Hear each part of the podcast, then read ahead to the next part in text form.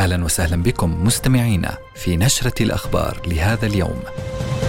إنها السابعة والنصف نشره اخباريه مفصله من رؤيا نستهلها بأبرز العناوين.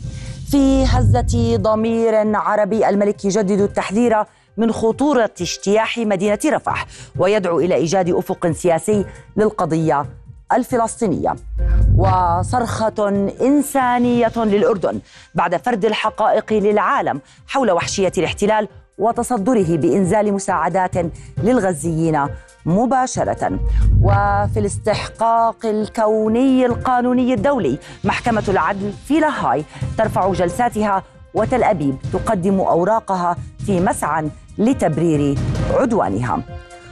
وأمام عتبة جديدة الحكومة الفلسطينية تتنحى وإصلاح مرتقب لمواكبة مستجدات قطاع غزة وقصف في العمق اللبناني. الاحتلال يضرب منطقة الإبقاع معقل حزب الله والحزب ينعى شهيدين خارج نطاق الجنوب. أهلا بكم وإلى التفاصيل.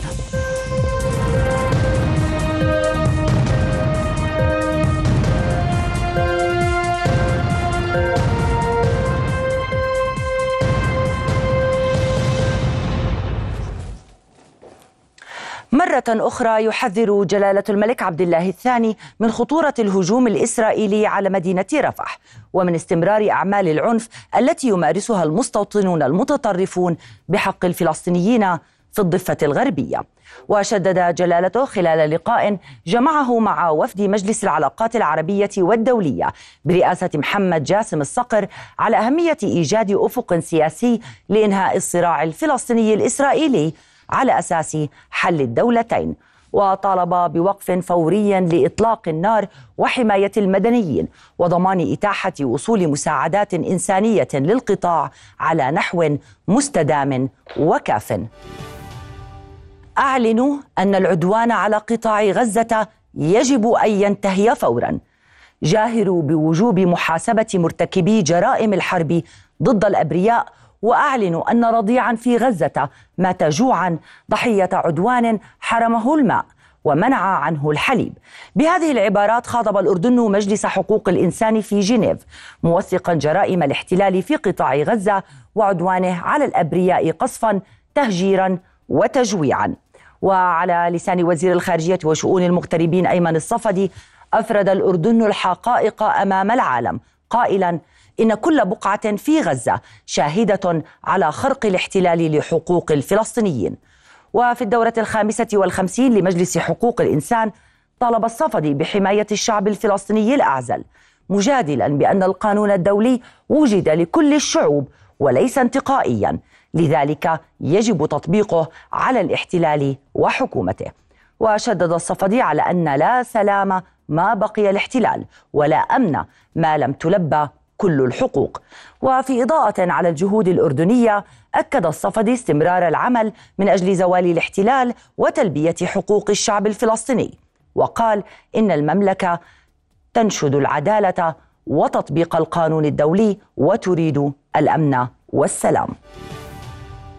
وفي عملية نوعية مركبة نفذت القوات المسلحة الأردنية أربعة إنزالات جوية إغاثية على طول ساحل قطاع غزة عبر أربع طائرات إحداها فرنسية.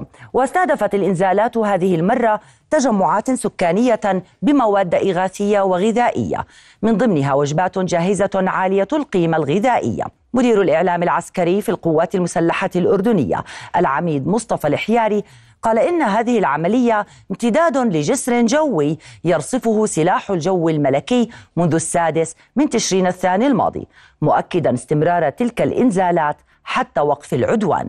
وسبق أن نفذ الأردن 12 عملية إنزال للقطاع من بينها مساعدات للمستشفيين الميدانيين الأردنيين شارك في إحداها جلالة الملك شخصياً. وفي مستجدات الهدنة المرتقبة بين الاحتلال الإسرائيلي والمقاومة الفلسطينية حماس. يلوح أمل بانفراجة متأرجحة قبل أسبوعين من بدء رمضان المبارك. إذ أبدت حركة حماس جديتها للمفاوضات لكنها ترى أن إسرائيل تماطل.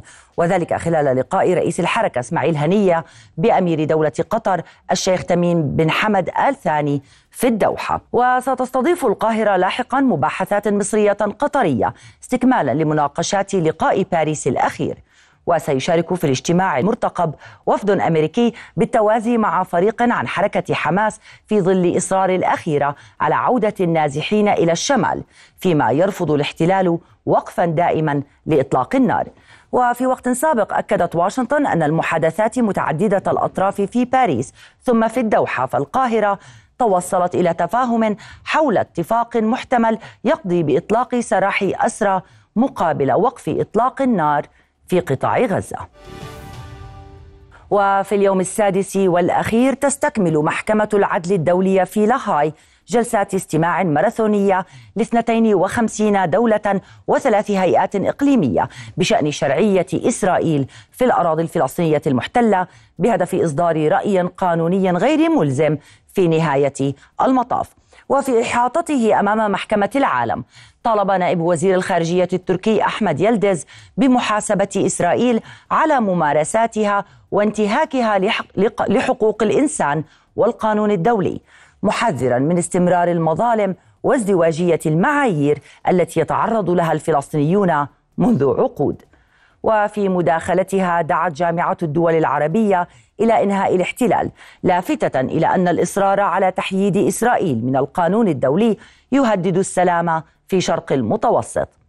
أما الممثل القانوني للجامعة رالف وايد فلفت إلى أن أرض فلسطين التاريخية شهدت سياسات تمييز عنصري وتعذيبا واستعمارا وأبرتايد وترحيلا وانتهاكات للقانون الدولي وسيطرة عرقية. وعلى الرغم من مرور شهر على إصدار محكمة العدل الدولية أوامر مؤقتة لإسرائيل في قضية الإبادة الجماعية التي رفعتها دولة جنوب إفريقيا فإن تل أبيب تواصل يوميا تحدي هذه الأوامر عبر سياسات وإجراءات عسكرية. تزيد المعاناة الكارثية لنحو مليونين وثلاثمائة ألف غزي. وبعد انقضاء المهلة رفعت تل أبيب تقريرها بشأن مدى التزامها بالتدابير المؤقتة التي أمرت بها المحكمة وفقا لإعلام عبري. ومن أجل المرحلة المقبلة وتحدياتها قدم رئيس الوزراء الفلسطيني محمد شتي صباح اليوم استقالة حكومته. وقال شتي إن الأيام المقبلة بحاجة إلى ترتيبات حكومية وسياسية جديدة تأخذ بالاعتبار الواقع المستجد في قطاع غزة ومحادثات الوحدة الوطنية والحاجة الملحة إلى توافق فلسطيني فلسطيني. تفاصيل أوفى في التقرير التالي. أود أن أبلغ المجلس الكريم وشعبنا العظيم أنني وضعت استقالة الحكومة تحت تصرف السيد الرئيس وذلك يوم الثلاثاء الماضي 20 2 24 واليوم أتقدم بها خطيا. تقدم رئيس الوزراء الفلسطيني محمد شتي صباح هذا اليوم الاثنين باستقالة الحكومة بشكل رسمي بعد أن وضع استقالة الحكومة تحت تصرف الرئيس محمود عباس بشكل شفهي الثلاثاء الماضي. وقد أوضح شتي خلال مؤتمر صحفي أن القرار يأتي في ضوء المستجدات السياسية والأمنية والاقتصادية المتعلقة بالحرب على قطاع غزة والتصعيد المتواصل في الضفة الغربية والقدس المحتلتين. لقد عملت هذه الحكومة في ظروف معقدة وواجهت معارك فرضت علينا بدءا من معركة القرصنة الإسرائيلية لأموالنا بسبب التزامنا بواجباتنا تجاه أسر الشهداء والأسرى والجرحى. ثم معركة صفقة القرن التي أرادت إنهاء قضيتنا وتلاها جائحة كورونا التي عصفت بالبشرية جمعاء.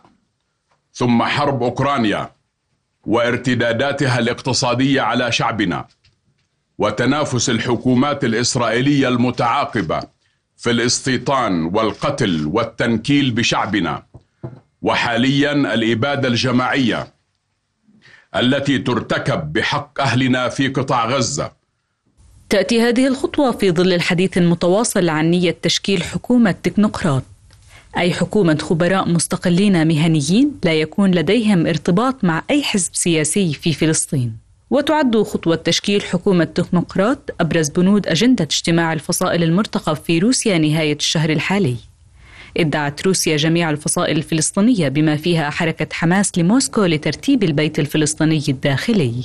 وعليه فإنني أرى أن المرحلة القادمة وتحدياتها تحتاج إلى ترتيبات حكومية وسياسية جديدة تأخذ بالاعتبار الواقع المستجد في قطاع غزة ومحادثات الوحدة الوطنية والحاجة الملحة إلى توافق فلسطيني فلسطيني مستند إلى أساس وطني ومشاركة واسعة ووحدة الصف وإلى بسط سلطة السلطة على كامل أرض فلسطين.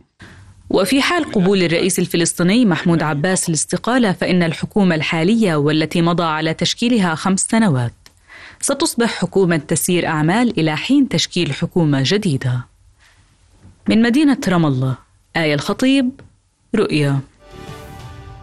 ومتابعة لهذا الموضوع وفي خبر عاجل. وصلنا الآن آه، قبل الرئيس الفلسطيني محمود عباس استقالة الحكومة وكلف رئيس الوزراء محمد شتيه بتسيير الأعمال إلى حين تشكيل حكومة فلسطينية جديدة.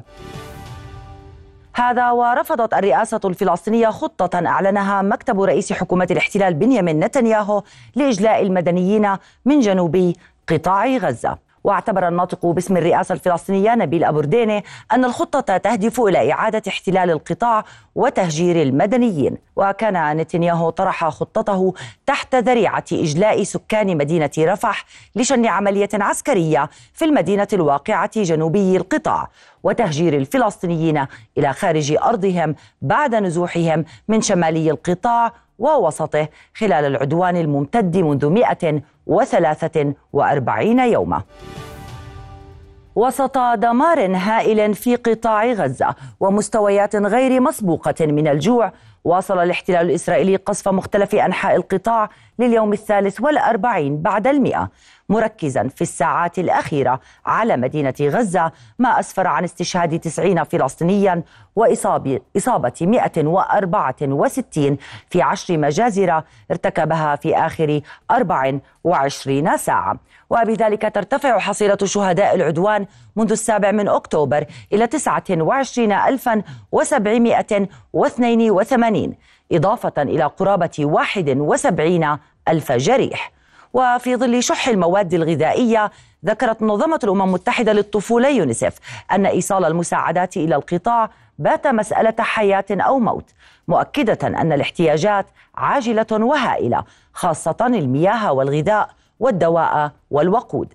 وفي السياق أعلنت وكالة أونروا أن آخر مرة تمكنت فيها من إيصال المساعدات الغذائية إلى شمال القطاع كانت قبل شهر.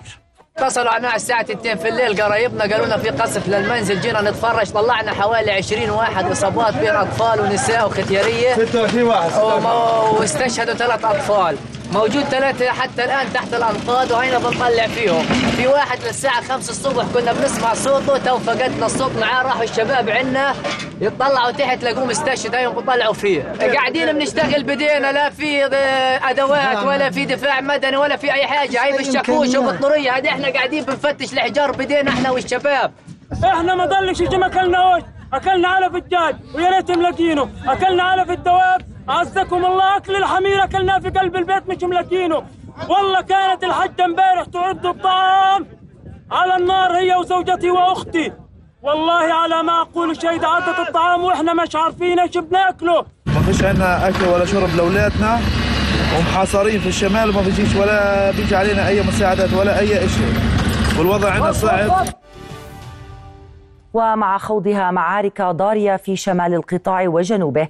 أعلنت سرايا القدس التابعة للجهاد الإسلامي قصفها موقع كسوفيم العسكري برشقة صاروخية. كما أوقعت بالاشتراك مع كتائب القسام قوة للاحتلال بين قتيل وجريح في كمين وصفته بأنه محكم في محيط جامعة فلسطين في المحافظة الوسطى. من جانبها كتائب القسام استهدفت قوة من أربعة جنود وأجهزت عليهم من مسافة صفر في عبسان الكبيرة شرقي مدينة خان يونس. كما أكدت تدمير دبابة ميركافا بقذيفة الياسين في المدينة ذاتها. وفي وقت سابق أعلنت كتائب القسام أنها فجرت عبوة في قوة من 15 جنديا تحصنوا داخل منزل في عبسان الكبيرة مؤكدة وقوعهم أيضا بين قتيل وجريح. ومع ساعات الصباح الأولى أعلنت سرايا القدس قنصاء أحد جنود الاحتلال في محور التقدم شرقي خان يونس. ووسط تلك الكمائن والمعارك المحتدمة أعلن جيش الاحتلال استمرار حملته العسكرية في حي الزيتون شرق مدينة غزة وفي خان يونس جنوبي القطاع. وعن خسائره الميدانية أعلن الاحتلال إصابة ثمانية عسكريين في معارك القطاع خلال آخر 24 ساعة. ما يرفع حصيلة الجرحى من قواته إلى نحو ثلاثة ألاف ضابط وجندي منذ السابع من أكتوبر منهم 460 جراحهم خطيرة. وبحسب أرقامه المعلنة بلغت حصيلة قتل جيش الاحتلال الإجمالية 580 ضابطا وجنديا منهم 240 منذ بداية المعارك البرية في السابع والعشرين من أكتوبر الماضي. نظمت القوى الوطنية والإسلامية في مدينة رام الله وقفة أمام السفارة الأرجنتينية تنديدا بقرار الرئيس الأرجنتيني خافير ميلي نقل سفارة بلاده إلى مدينة القدس المحتلة. وشدد المشاركون على أن نقل السفارة انتهاك للقرارات الدولية وحرمان للشعب الفلسطيني من حقه في عاصمته الأبدية القدس. كما أدانوا جولة الرئيس ميلي في إحدى مستوطنات غلاف غزة وتأكيده وقوف بلاده مع العدوان على القطاع. رسالتنا اليوم من أمام سفارة دولة الأرجنتين هي مطالبة بإلغاء قرار الرئيس بنقل سفارة بلاده إلى مدينة القدس المحتلة. هذا آه هذه خطوة في غاية الخطورة. القدس لن تكون إلا عاصمة لدولة فلسطين.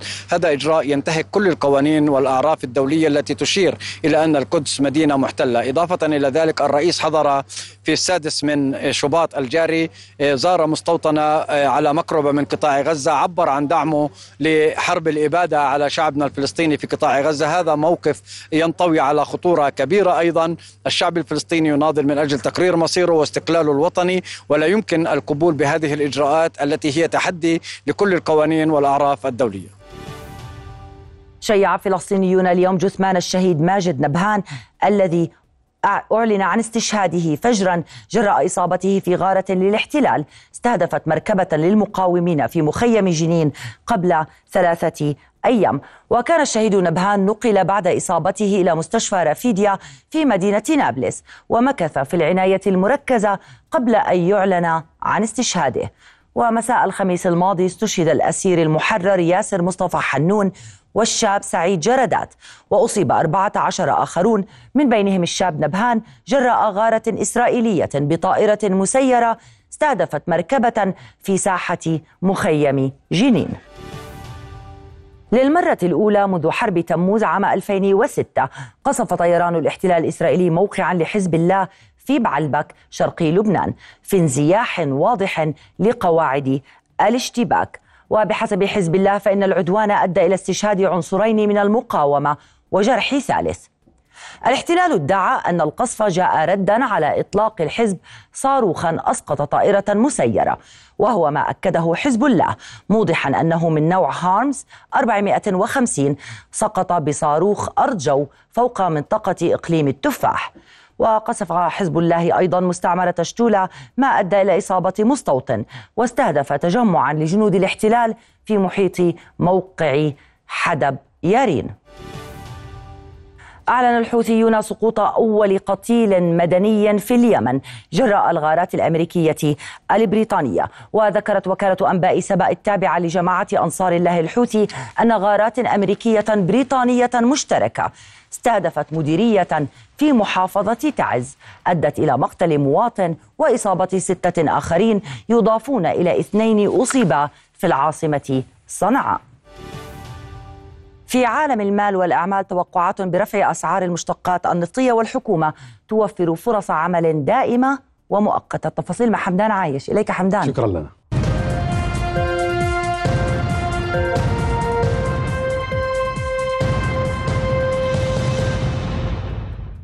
أهلا بكم. تعلن الحكومة أسعار بيع المحروقات لشهر آذار يوم الخميس المقبل. الخبير النفطي هاشم عقل توقع ارتفاع أسعار بيع المحروقات لشهر أذار رغم الانخفاض الذي طرأ على أسعار خام برنت خلال اليومين الماضيين وتوقع أن ترتفع أسعار البنزين أوكتان 90 وأوكتان 95 بواقع 22 فلسا أي ما نسبته 2.5% مقارنة بتسعيرة شباط الحالي. أما السولار فتوقع ارتفاع سعره بواقع 22 فلسا أي بنسبة 3% وطلب الخبير النفطي باعتماد التسعيرة الأسبوعية ليستفيد المواطن من التقلبات السعرية بدل الانتظار إلى نهاية الشهر.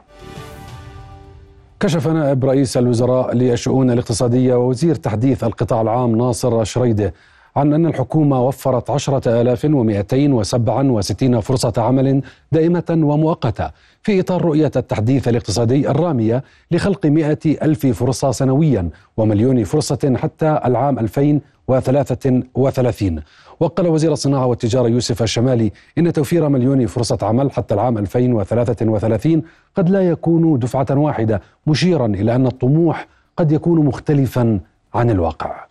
لما قلنا إحنا بدنا نعين مليون وهي كما ذكر زميلي هي خطة طموحة.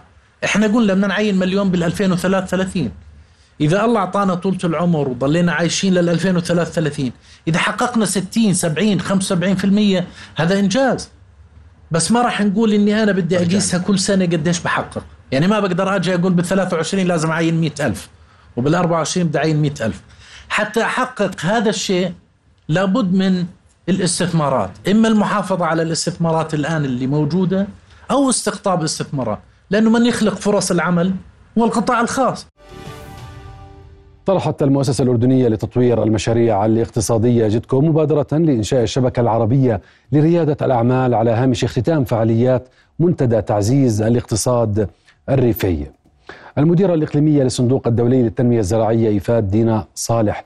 قالت إن حجم التمويل للمشاريع بلغ 253 مليون دولار من ضمنها 100 مليون مخصصة من الصندوق الدولي للتنمية الزراعية والتي استفاد منها ما يزيد عن 18 ألف شخص بالإضافة لخلق 4700 فرصة عمل والتي تميزت بأن نسبة النساء أكثر من 60% يأتي هذا المنتدى منتدى تعزيز الاقتصاد الريفي كأحد آه، أبرز آه، المنجزات التي نفذتها المؤسسة الأردنية لتطوير المشاريع الاقتصادية آه، لتسليط الضوء على الإنجازات التي حققها برنامج التنمية الاقتصادية والتشغيل خلال الثمان سنوات السابقة و لتسليط الضوء وإطلاع جميع آه، الدول آه، العالمية والإقليمية والمنظمات على هذه الإنجازات والعمل على بناء على هذه الإنجازات خلال المستقبل. نحن طبعا نعتز بالشراكة مع الحكومة المملكة الأردنية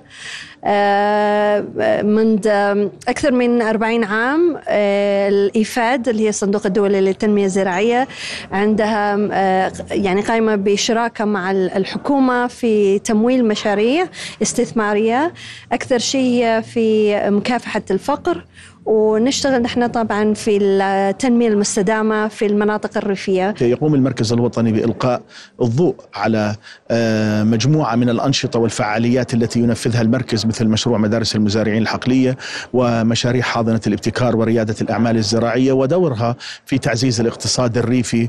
ونقدم مجموعة من قصص النجاح التي تحفز على تحريك عجلة التنمية في داخل آه، المجتمعات الريفية الأردنية.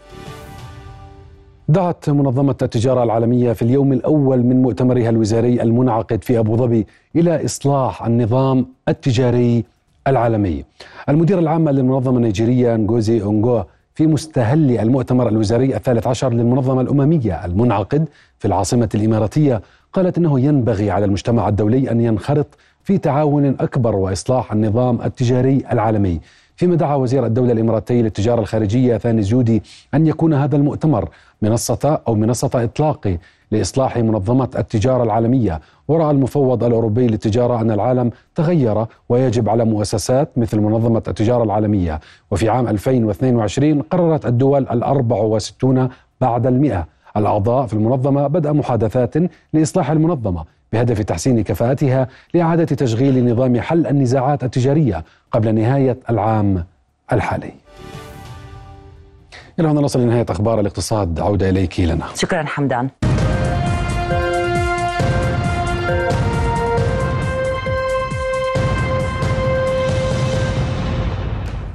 أوقفوا قتل الصحفيين الفلسطينيين. تحت هذا العنوان نظم عشرات الصحفيين الفلسطينيين اعتصاما أمام مقر هيئة الإذاعة والتلفزيون الفلسطينية رفضا للجرائم التي يرتكبها الاحتلال بحق العاملين في هذا المجال. ويتزامن الاعتصام مع اليوم العالمي للتضامن مع الصحفيين الفلسطينيين. في أكبر مجزرة عرفها التاريخ بحق الصحفيين في العالم وما تزال مستمرة.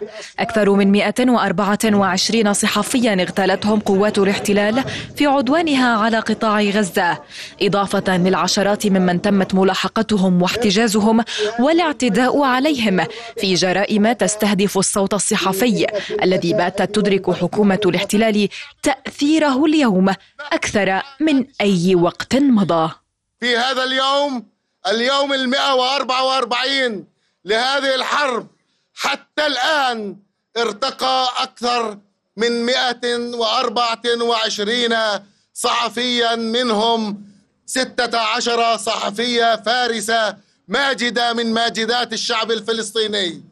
وأيضا أصيب العشرات من صحفيين ودمر أكثر من ثمانين مؤسسة إعلامية منها كل الإذاعات المحلية في قطاع غزة وأيضا مقر هيئة الإذاعة والتلفزيون في قطاع غزة وكل مقرات الوكالات العربية والدولية والمحلية في قطاع غزة. جرائم تمتد إلى الضفة الغربية والقدس المحتلتين اللتين يقاسي صحفيها الاعتقال والملاحقة وتهم التحريض من قبل الاحتلال.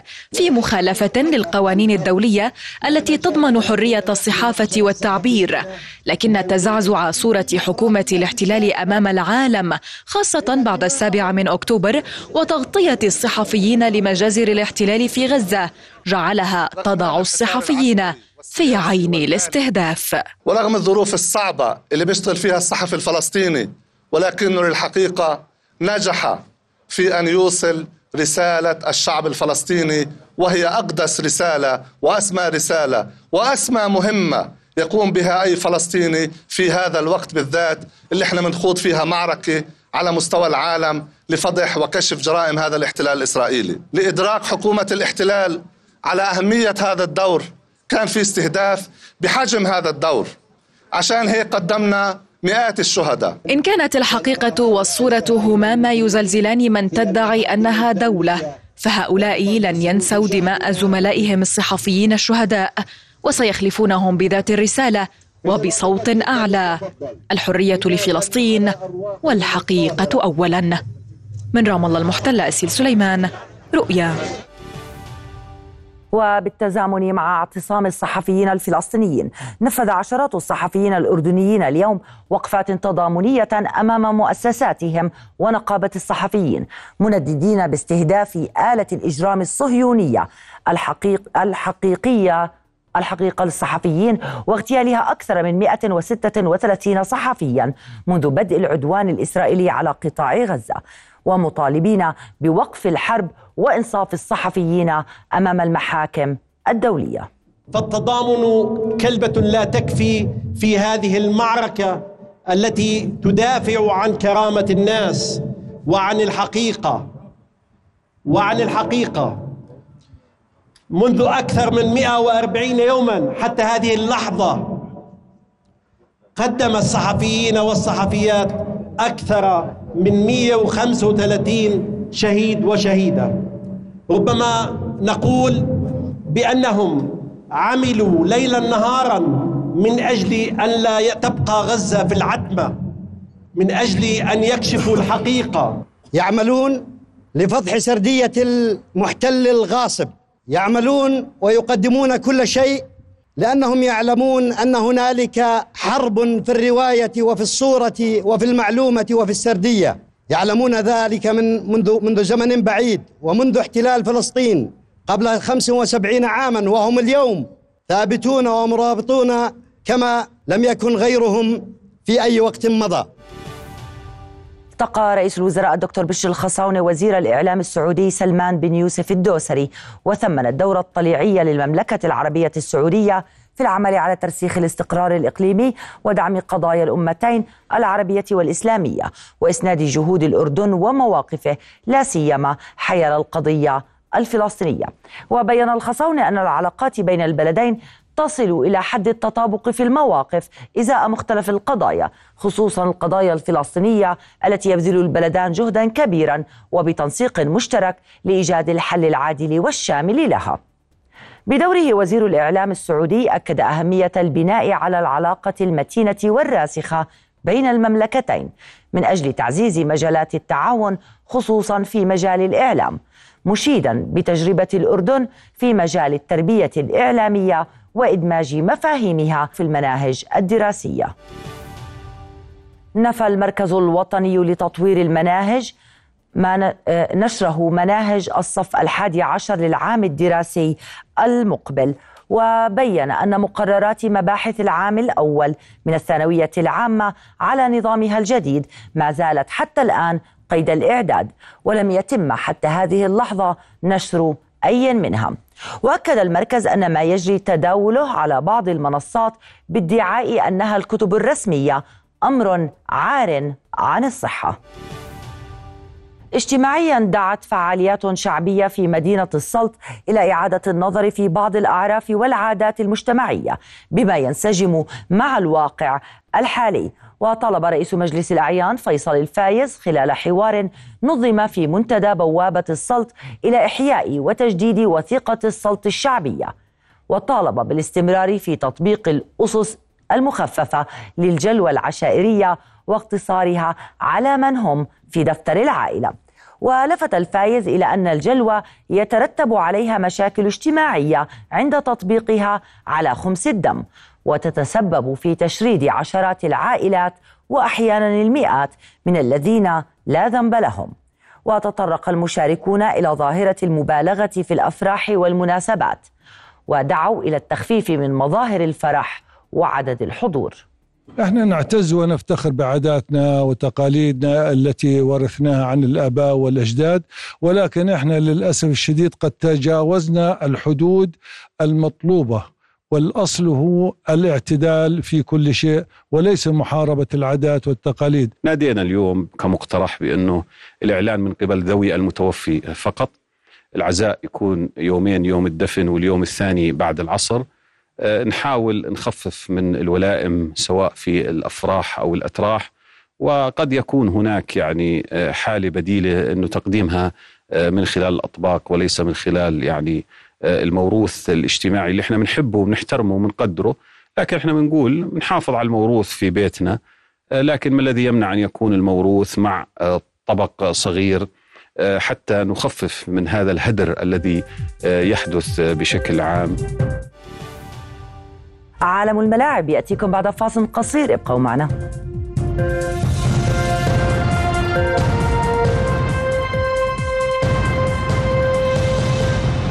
أهلا بكم. جولة في ملاعب القدم والتنس مع سميحة مجدلوية. إليك سميحة. شكرا لنا. أهلا بكم. حسم التعادل السلبي بدون أهداف مباراة الوحدات والأهلي التي جمعتهما على استاد عمان الدولي ضمن منافسات الجولة الثالثة عشرة من دوري المحترفين لكرة القدم. وبهذه النتيجة أصبح رصيد الوحدات 27 نقطة متأخرا عن المتصدر الحسين إربد بفارق سبع نقاط. وفي لقاء آخر في ذات الجولة تغلب الرمثا على مغير السرحان بأربعة أهداف لهدفين ليرتفع رصيد غزلان الشمال لتسعة عشرة نقطة في المركز الرابع. يواجه المنتخب الوطني لكرة القدم للسيدات نظيره الفلسطيني يوم غد الثلاثاء في مباراة نصف نهائي بطولة غرب آسيا في مدينة جدة السعودية وتطمح النشميات لتحقيق الفوز للتأهل إلى المباراة النهائية سعيا للحفاظ على لقب البطولة الذي توج به في النسخة السابقة. وكان المنتخب الوطني بقيادة المدرب ماهر أبو هنطش تأهل للدور نصف النهائي بعد أن احتل المركز الأول في المجموعة الأولى حيث حصد تسع نقاط من ثلاث انتصارات على منتخبات السعودية وغوام ولبنان. قررت اللجنة التأديبية في اتحاد كرة القدم توجيه عقوبات بالجملة بحق نادي السلط وذلك بسبب مخالفته لتعليمات الرقابة المالية وتقديم معلومات غير صحيحة للاتحاد.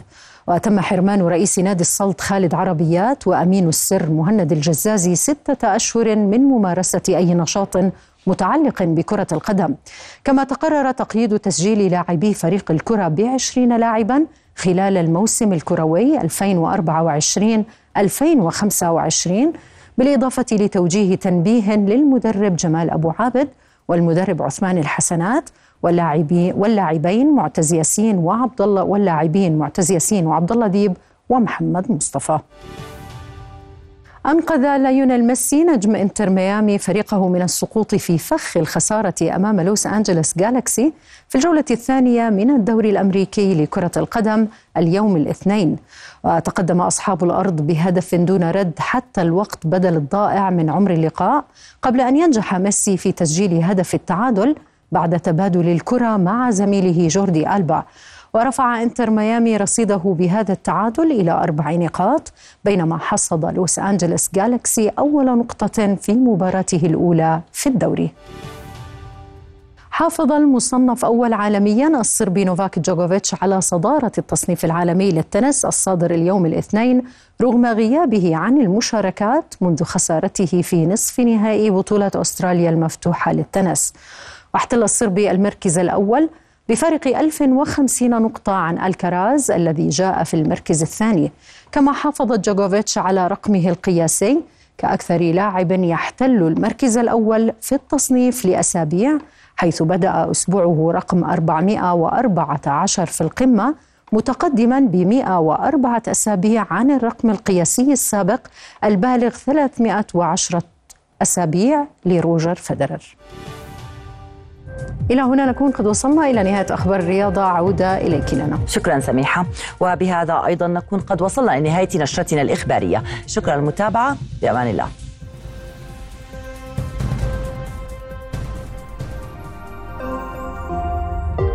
رؤيا بودكاست.